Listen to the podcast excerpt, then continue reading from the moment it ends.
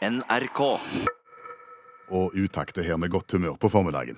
Om du vet hva en influenser er for noe? En influenser. Ja. Nå kan jeg jo framstå som dum og si at det er en som har influensa, men så dum er jeg ikke. Ja, på grensen. En influenser er på en måte en, eh, et menneske som har en påvirkningskraft. Det som eh, det mennesket sier eller gjør, det får en gjerne andre også til å gjøre. En, en, en blogger i, i 2018 for eksempel, Ja. kan godt være en influenser. Ja, for det de bestemmer seg for, det smitter. Ja. Mm. Tror du at det fins, eller har fantes, influensere eh, som har hatt så mye influensa at de har fått folk til å late som om eh, de har operert rumpen sin, eh, kun for å være like tøffe som influensere? Siden du spør, så er sikkert svaret ja. Ja, det stemmer det. Eh, Vi skal til 80-tallet. Til 80-tallet. Ja. George Michael. Nei, Boy, nei, Boy George. nei, nei, nei, ikke 1980-tallet. Vi skal til 1680-tallet. Til 1680-tallets influenser. Ja, eh, for det er Ludvig den 14., eh, solkongen.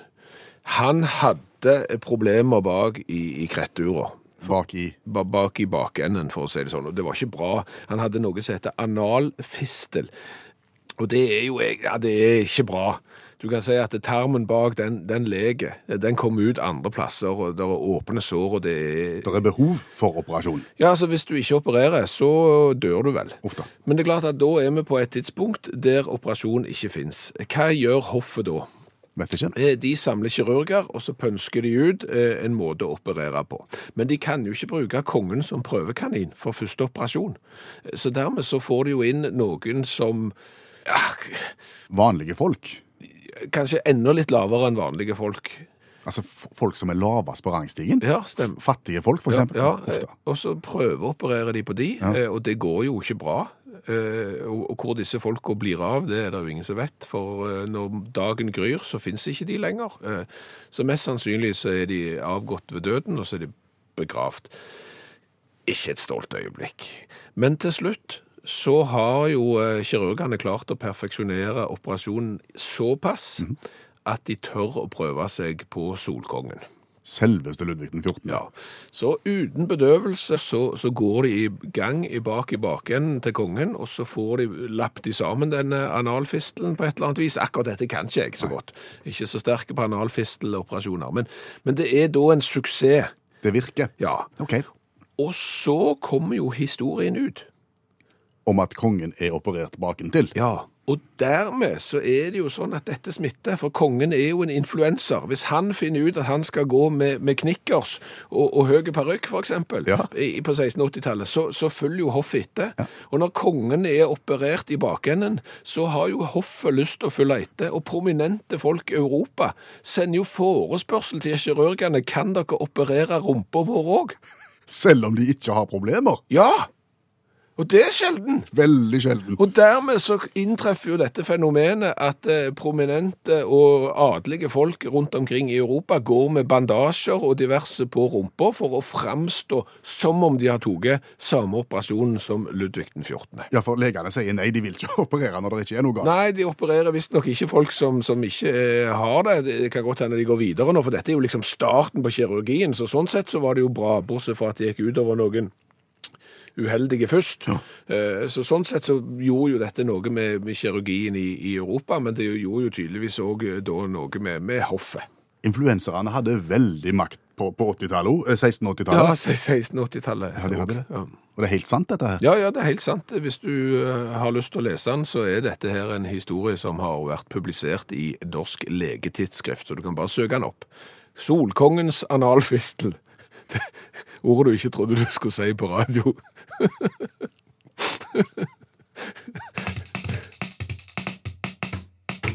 Leon Frikk smiler, og det ser jeg du også gjør her. Du har funnet et eller annet. Ja, jeg har funnet noe gøy på internett. Jeg har nemlig funnet en som selger en bruksanvisning, en manual for hvordan du skal lage deg en stol. En stol. Ja, Ja, Hva for en type stol? eh, makramé-stol. En hengende makramé-stol. Den får du for den nette sum av 64 kroner og 65 øre, inklusiv moms. Det er varp. Det er et varp. Ja, ja. Da kan du eh, laste ned eh, bruksanvisningen til hvordan du kan makramere din egen makramestol. Det er en sånn hengestol. Ja. Altså Han skal henge i taket, og så er det en ring i toppen. Ned fra den ringen i toppen så er det makramering. eh, og med, med liksom et hull, sånn at du kan tre kroppen din inn. Og i bånn så er det jo da en, eh, et makramésete. Så blir du hengende der. Du Sånn kan heng- hvile i din egen makramé. ja. Altså, Vi er oppvokst på 80-tallet. ja, stemmer det. Og har jo et nært forhold til makrameen gjennom håndarbeidstimene. Ja. Og, og mennesker som er eldre enn oss, kjenner jo makrameen. Men skulle vi kanskje definert makrameen litt nå før vi går videre med denne stolen? Altså, makramé er jo en form Kan du si at det er en blanding av hekling, veving og øh, sånn når du lager tau. Sånn, sånn reperbaneting. Ja, det kan vi godt. Ja. Altså, vi satt jo med forskjellige eh, tjukke hyssinger Mm. og vevte disse sammen på et vis gjennom å feste oss sjøl til bordet. Ja, du, du hadde et feste i bordet, så strakk du disse trådene, og så festa du trådene igjen i deg sjøl, og så vevte du i, i det partiet mellom der. Stemmer det? Ja. Og, og, og disse makramétrådene som da kom ut, eller, eller resultatene, kunne jo brukes til mye forskjellig. Kunne det det? Ja, det kunne bli til ugler. Ja, du kan ugle på veggen, ja. Ugle kunne ja, det bli. ja, ja. Det kunne også bli mønster eller pynt eh, som, hvor, hvor de omkransa sånne eh, blåser, som jeg kalte de, altså glasskuler som kunne brukes i forbindelse med fiske. Ja, ja, de der grønne glasskulene som holdt garnet oppe, for eksempel, eller. Mm. var sånn og viste hvor du hadde tegna, ja. Ja, det husker jeg. Du kunne også lage en uro. U hva er uro? En makramé-uro. Hva er uro? Det var noe vi hadde i klassen. Det hadde vi også. Var ikke uro makramé eh, kombinert med noen sånne trepinner som på en måte når de slo mot hverandre, så lagde de en helt spesiell klang? Nei, jeg er ikke sikker. Du har ikke vært borti uroen? Jeg har lite forhold til uro. Altså Mitt forhold til makramé er jo at når det var syforening, Ja. eh, det vil si at eh, to eller tre kvinner var samlet for å enten spise aspik eller sånne skjell, ja. så ble det gjerne makramert. Ja. Og så kom det på veggen hjemme, og så hang det i noen år, eh, og så var ikke det populært lenger. Nei. Og det er jo det som er stikkordet her. Så var ikke det populært lenger. For jeg lurer jo på, når du selger makramé-oppskrifter i 2018, selv om det ikke er dyrt, 64 kroner og 65 øre, det er jo ikke dyrt, er det noe omsetning? Er folk interessert i å makramere sin egen makramé-stol? Et veldig godt spørsmål. men, men hvis du nå skulle bli frista, så vil jeg gjerne advare litt, fordi at makramering kan også være farlig. Fortell. Eh, Vi skal tilbake igjen til 80-tallet, Ja. til håndarbeidstimer. Vi makramerte. Som jeg har sagt tidligere, når du makramerer, så er du festa. Du sitter fast spent i et bord. Du er forbundet via din egen makramé, på en måte. Ja, ja, det er liksom, det er jo en enhet. Bordet, makrameen og kroppen som er en enhet. Stemmer det. Jeg var ikke så glad i håndarbeid. Jeg ville bare at de timene der skulle ta slutt. Så en dag når jeg satt og makramerte, så ringte klokka. Det var over, og det det handla om da, det var å komme seg ut av klasserommet fortest mulig. Jeg hadde glemt at jeg hang fast i min egen makramé. Så du reiser deg og skal ut og spille fotball i friminuttet mens du er festa i bordet? Yes, og springer av gårde og drar med pulten. Ja. Og Roy. Roy òg, ja. Så, så Roy gikk i dra dragsuget av pult og makramé og meg, og, og ble stygt skada i ryggen. Ok, Men da vet du det, at laster du ned makramé-stoloppskriften til 64 kroner og 65 øre, inklusiv moms, moms, så vær forsiktig når klokka ringer. Ja. Utakt i NRK P1, hører du, og, og vi vet jo at i disse dager så eh, er det tid for nobelpriser. Det er matematikk og fysikk og kjemi, og det skal deles ut eh, fredspriser. det er ikke måte på. Og når allmennlærer med to vekttall i musikk Olav Hove er her i studio, som han alltid er på tirsdagene, så er ikke det for å kommentere nobelprisene. Nei, for du, Olav, du er jo opptatt av eh, andre priser, men de inneholder jo ordet Nobel. Mm, det er jo Ig Nobelprisen jeg har spesielt sans for. da. Det er jo forskere som får prisen for, eh, ja, for litterær forskning. da. Ig Nobel. Ja, og Det blir delt ut hvert år, og det blir delt ut uh, i litt andre kategorier enn Nobelprisen, men, men, uh, men uh, heder og festivitas er det, og, og eh, mange ser på, det som, eh, ser på det som en bra ting. liksom At, det- at det er kanskje litt tøysete, høres det ut som, men så tenker de seg om, og så finner de ut at nei, kanskje ikke det er så dumt allikevel. Så en del av de som jeg tror du må tenke jækla lenge for å skjønne poenget med det. Men i alle fall, det ble delt ut nå i år, og det ble delt ut til både ny og gammel forskning. Og medisinprisen f.eks. gikk til Mark Mitchell og David Wartinger. osteopater, disse her to, da, og det er for forskning på nyrestein. De vet jo at nyrestein må komme ut av seg sjøl, og at det er ganske vondt. Og de hadde jo hørt mytene om at hvis du hopper på trampolina, så er det lettere å få ut nyresteinen. Så de har forska på eh, berg-og-dal-baner. Setter folk med nyrestein opp i berg-og-dal-bane og ser om man kommer kjappere ut. Eh, smertefullt, selvfølgelig. Når du først har nyrestein i tillegg, så må du bli svimmel og kvalm. Hva har de konkludert med, da? Nei, det gikk ikke. Det virka ikke. nei, nei, så eh, jo, jeg si det, det virker litt bedre hvis du sitter helt bakerst. Så hvis du er på Tusenfryd en sommer og har nyrestein, så setter jeg noe bakerst iallfall. Altså, jeg, jeg, jeg har jo opplevd dette her med nyrestein. Ja, ja, så, jeg, så jeg tenker jo når jeg lå der og vrei meg, og det er, for, det er forferdelig vondt Hvis noen kom og sa til meg du, nå skal vi en tur til Østlandet, for vi skal på Tusenfryd og kjøre berg-og-dal-bane, så skal du se det blir bra.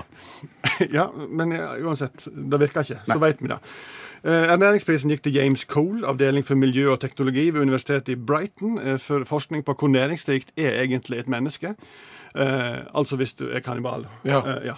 Um, og da Er det en av disse variantene hvor du må tenke litt om dette her er nødvendig forskning eller ikke? Ja, det vet du det. altså. Eh, Men, men eh, han fant iallfall ut da at kaloriinntaket fra en kannibaldiett er signifikant lavere enn å sammenligne med andre tradisjonelle kjøttretter. Det vil si at vi er ikke så næringsrike, da. Så det er ikke å anbefale å ete oss. Eh, Og da fant han ut at dette med kannibalisme er sikkert kulturelt betinget. Det handler ikke om at de var så jækla sultne, kannibalene. da. Ja, Godt å vite. Repro Ja, det er jo godt å vite, f.eks. hvis du skal fly over et høyt, høyt eh, fjell i eh, Sør-Amerika, og, og flyet ditt eh, styrter, og du er der sammen med lagkameratene dine, at Ja. de ikke er så næringsrike. Så. Ja, det, det, du må ete masse. Ja. ja, ja. Eh, reproduksjonsmedisinsprisen eh, fikk John Barry og Bruce Blank og Michael Beaulieu ved Universitetet i Oregon for eh, eh, kreativt bruk av frimerke ved diagnostisering av impotens. Eh, det er spennende. Nå er ikke jeg så sterk på eh, når det gjelder impotens, men det viser seg visstnok at det er to typer impotens. Det ene der er det helt slapt døgnet rundt. Ja. Den andre der er det ereksjon på natta. Oh, ja. Og da må en registrere hvordan du får ereksjon, om du får ereksjon på natta. Og det er, jo, det er flere måter å gjøre på. Har du en partner, så kan jo en ligge til observasjon over natta. Eh, du kan jo filme den. Men, men det viser seg at dette, da blir det mange feilmarginer innenfor forskningen. da, Hvis du skal hvis du god natt til kona di, og så setter vi på lyskasterne, og så filmer vi. Kan selvfølgelig sånn viltkamera som kun registrerer bevegelse. Men uansett, da skaper du en sånn situasjon der det er litt sånn unaturlig. da. Men hvis du da, før du legger deg, tar et frimerke og fester på kyllingen, sant? og legger deg til å sove, og våkner neste morgen og du har opplevd brekkasje på frimerket, så OK, da har du den type impotens. Skjønner du? Det er ikke brekkasje. Ja, det er hvis det er knekt, da. Hvis, det hvis, det her, hvis frimerket på en måte er knekt. Oh, ja. Ja. Da har det vært- da har det vært bevegelse i løpet av natten. da. Har det vært bevegelse i Lillemannen, for å sånn, for å bruke noe som er veldig populært nå om dagen? Men, men nå forstår jo jeg et uttrykk mye mer bedre enn jeg har forstått før. Jo, vil du være med hjem og se på frimerkesamlingen min? Ja, det er noe helt annet. Og dermed så får du en Nobelpris, og jeg tipper jeg ga noen noen tips nå. Ja. Tusen takk for den eh, oppsummeringen. Allmennlærer med to vekttall i musikk, Olav Hove.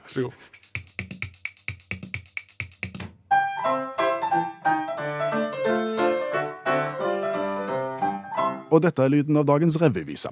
Ja, som vi ikke skal synge i dag. Nei, det er litt spesielt, for det har vi jo gjort hver eneste eh, uttaksprogram eh, det siste året. Ja, og, og kanskje er du den eneste i verden, du som nå sitter og hører radioen, som tenker at dagens revyvise, det er noe av det flotteste jeg vet om. Og skal de ikke synge revyvise i dag? Skal de bryte en tradisjon etter hundrevis av, av revyviser i dette radioprogrammet?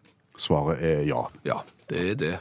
Altså, Revyvisene er jo den lille 27 sekunder-snutten der vi kommenterer en eh, aktuell eh, nyhetssak fra et eller annet sted i verden. Men har du lyst til å forklare nå hvorfor vi ikke skal synge revyvisa i dag? Rett og slett fordi vi satt eh, i forberedelsene til dagens revyvisa, og så slo det oss hvilken kommersiell sprengkraft som egentlig ligger i bånn av disse revyvisene.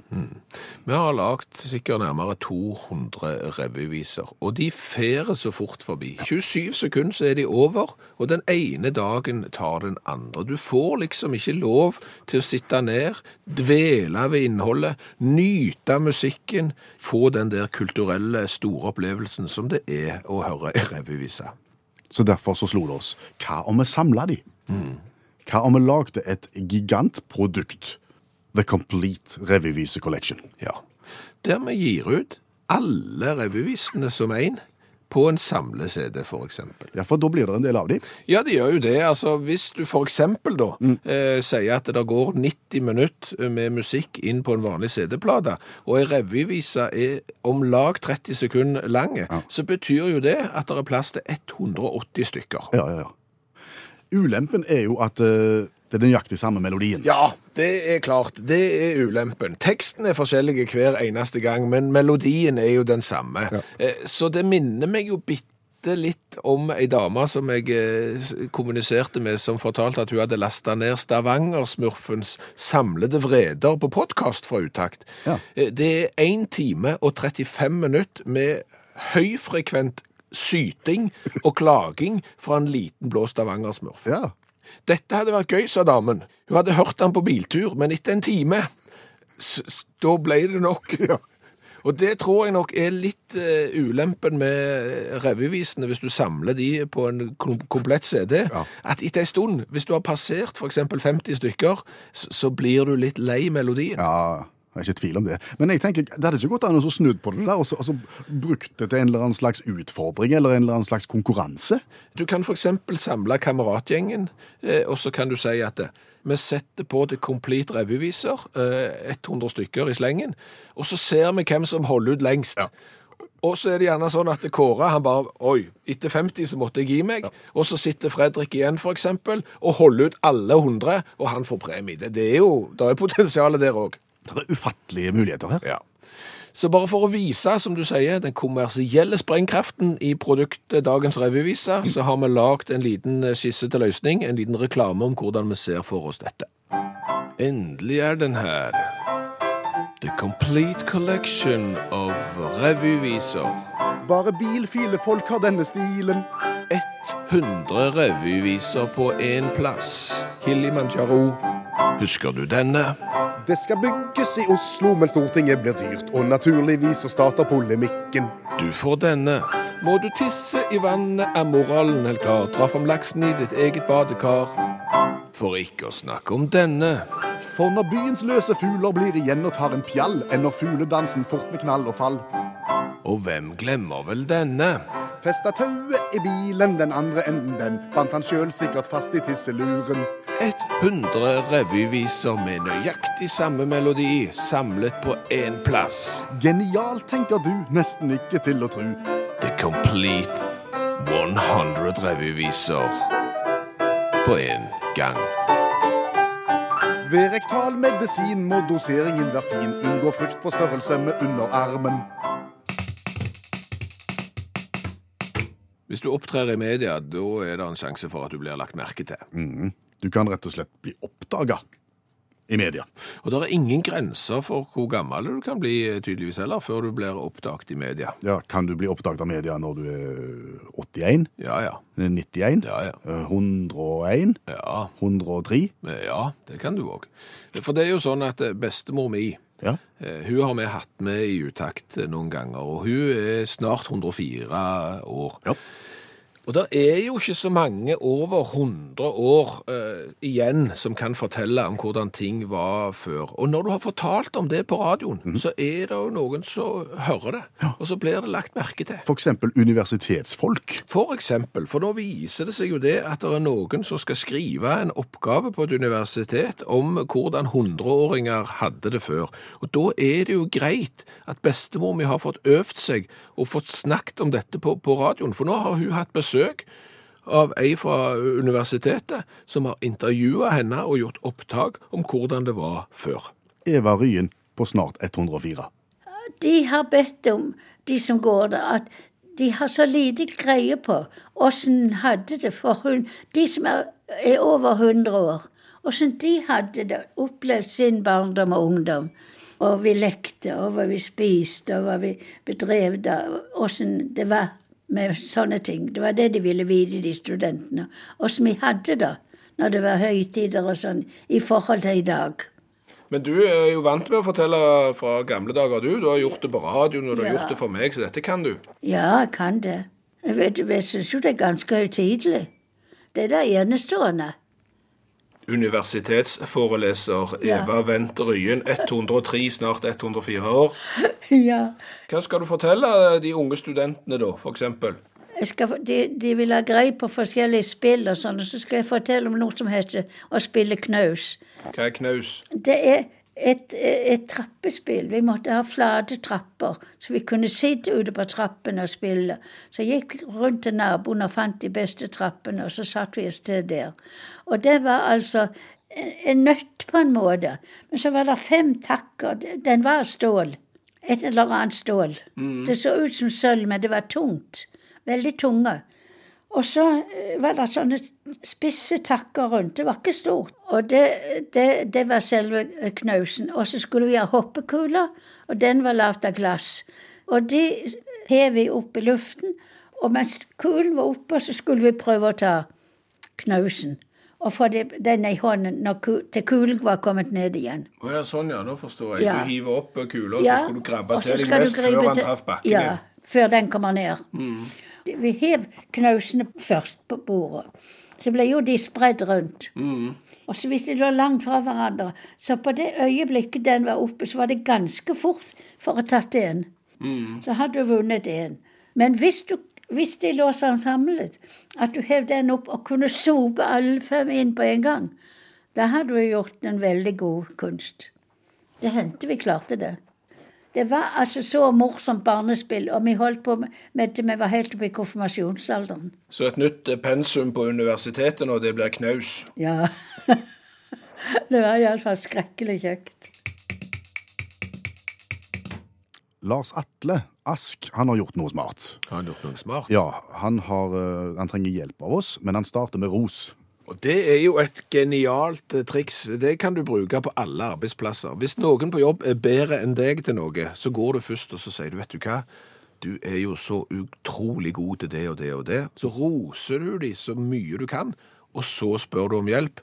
Da har du fått en person som virkelig er motivert til å bidra. Det er dette du har fått til, Lars Atle, når du skriver 'til dere i utakt som er så flinke til å finne ut av ting'. Det er ros vi går fem på. Kom an. Ja.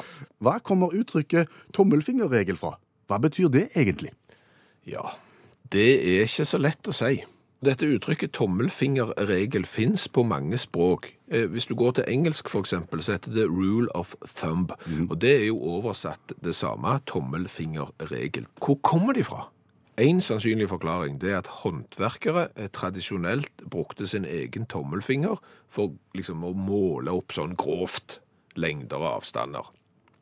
Og en annen teori stammer også fra den der gamle skikken at du dyppa tommelen din ned i et brygg eller en annen væske for liksom å anslå eh, temperaturen. Den mest utbredde myten, og den kanskje tøffeste forklaringen, den skal du tilbake til en britisk dommer som regjerte på 1780-tallet. Sir Francis Bull. Han var visstnok strenge. Og han skal da, ifølge myten, ha bestemt at en mann hadde lov å slå kona si eh, hvis hun ikke hadde vært greie, med en kjepp. Men den kjeppen skulle ikke være tjukkere enn en tommelfinger. Hva er dette for noe? Nei, det er jo sånn. Du har ikke vært grei i dag. Da tror jeg jeg drar til deg, men venta litt. I henhold til tommelfingerregelen fra sir Francis Buller, eh, så må jeg finne en kjepp som ikke er tjukkere enn tommelen, og så slår jeg deg med den. Men den historien der, eh, sier forskere, er neppe sann. Ah. Så den har liksom fått lov til å så eh, bare leve videre. Men hva er det da som er tommelfingerregel? Altså, Regelen kan du jo, men opphavet det er vi fremdeles ikke sikre på. Så vi har dessverre ikke kunnet hjelpe mer enn at vi kan si det. Vi har prøvd så godt vi kan. Og igjen, vi har begynt en tradisjon for å sjekke fakta. Hva stemmer? Og det viser seg med stor sannsynlighet at sir Francis Buller-teorien rundt tommelfingerregelen, den stemmer ikke. Men vi har gjort så godt vi kan, Lars Atle. Ikke spør, sier Ni Liv, men jeg, jeg gjør det likevel. Jeg, jeg spør hva har vi lært i dag? Åh, vi har lært eh, mye. Vi har jo blant annet lært at Ludvig den 14., solkongen, han hadde veldig påvirkningskraft. Ja, Han var den tidens influenser og blogger, på en måte. Ja, fordi at når han da fikk operert eh, analfistelen sin, eh, så smitta dette til hoff rundt omkring i Europa. De geistlige de ville òg eh, operere analfistlene sine, selv om de ikke hadde analfistler. Nei. Og dermed så gikk de jo rundt med bandasjer og lata som om de hadde hatt samme rumpeoperasjon som Solkongen sjøl. Så litt leppeinjeksjoner i 2018, det er småtterier. Det er småtteri. Det er ingenting i forhold til en skikkelig god analfisteloperasjon. Eh, Så har jeg jo lært at makrameen er tydeligvis ikke død.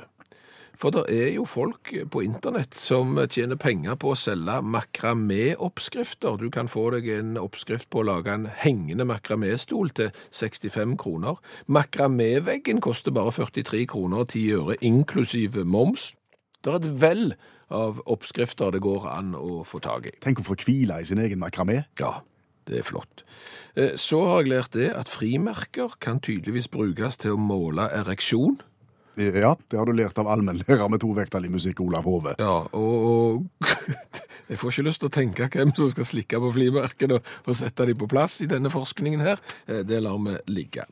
Så har vi jo lært at det er litt vanskelig å finne opphavet til tommelfingerregelen. Ja, En av de vanligste historiene er jo at dette har med en engelsk streng dommer å gjøre eh, på 1700-tallet, som sa at du ikke skulle slå kona di med en kjepp som var tjukkere enn en tommel. Men faktasjekk viser at det er nok mest sannsynlig ikke tilfellet. Og faktasjekk er jo noe som har blitt veldig veldig populært i det siste, og noe som vi har begynt med i programmet. Ja, og, og det har skremt Ronny litt. Har faktasjekk skremt Ronny? Ja, for Ronny har sendt følgende melding. Vi har hørt at dere i utakt har begynt å faktasjekke historier, og han lurer på om dette òg gjelder faktasjekk av eldre forfattere. Mm, hva tenker han på da? For Ronny har i sin ungdom, som er seint 80-tall, skrevet ei novelle til aktuell rapport. Og det er erotisk magasin? Ja, der han fikk betalt 100 kroner for den novellen. Og der skriver Ronny at det er nok en del ting der i, i den novellen som er en smule overdreven. Og, og, og han kjenner at han blir bitte lite grann bekymra for disse faktasjekk-greiene.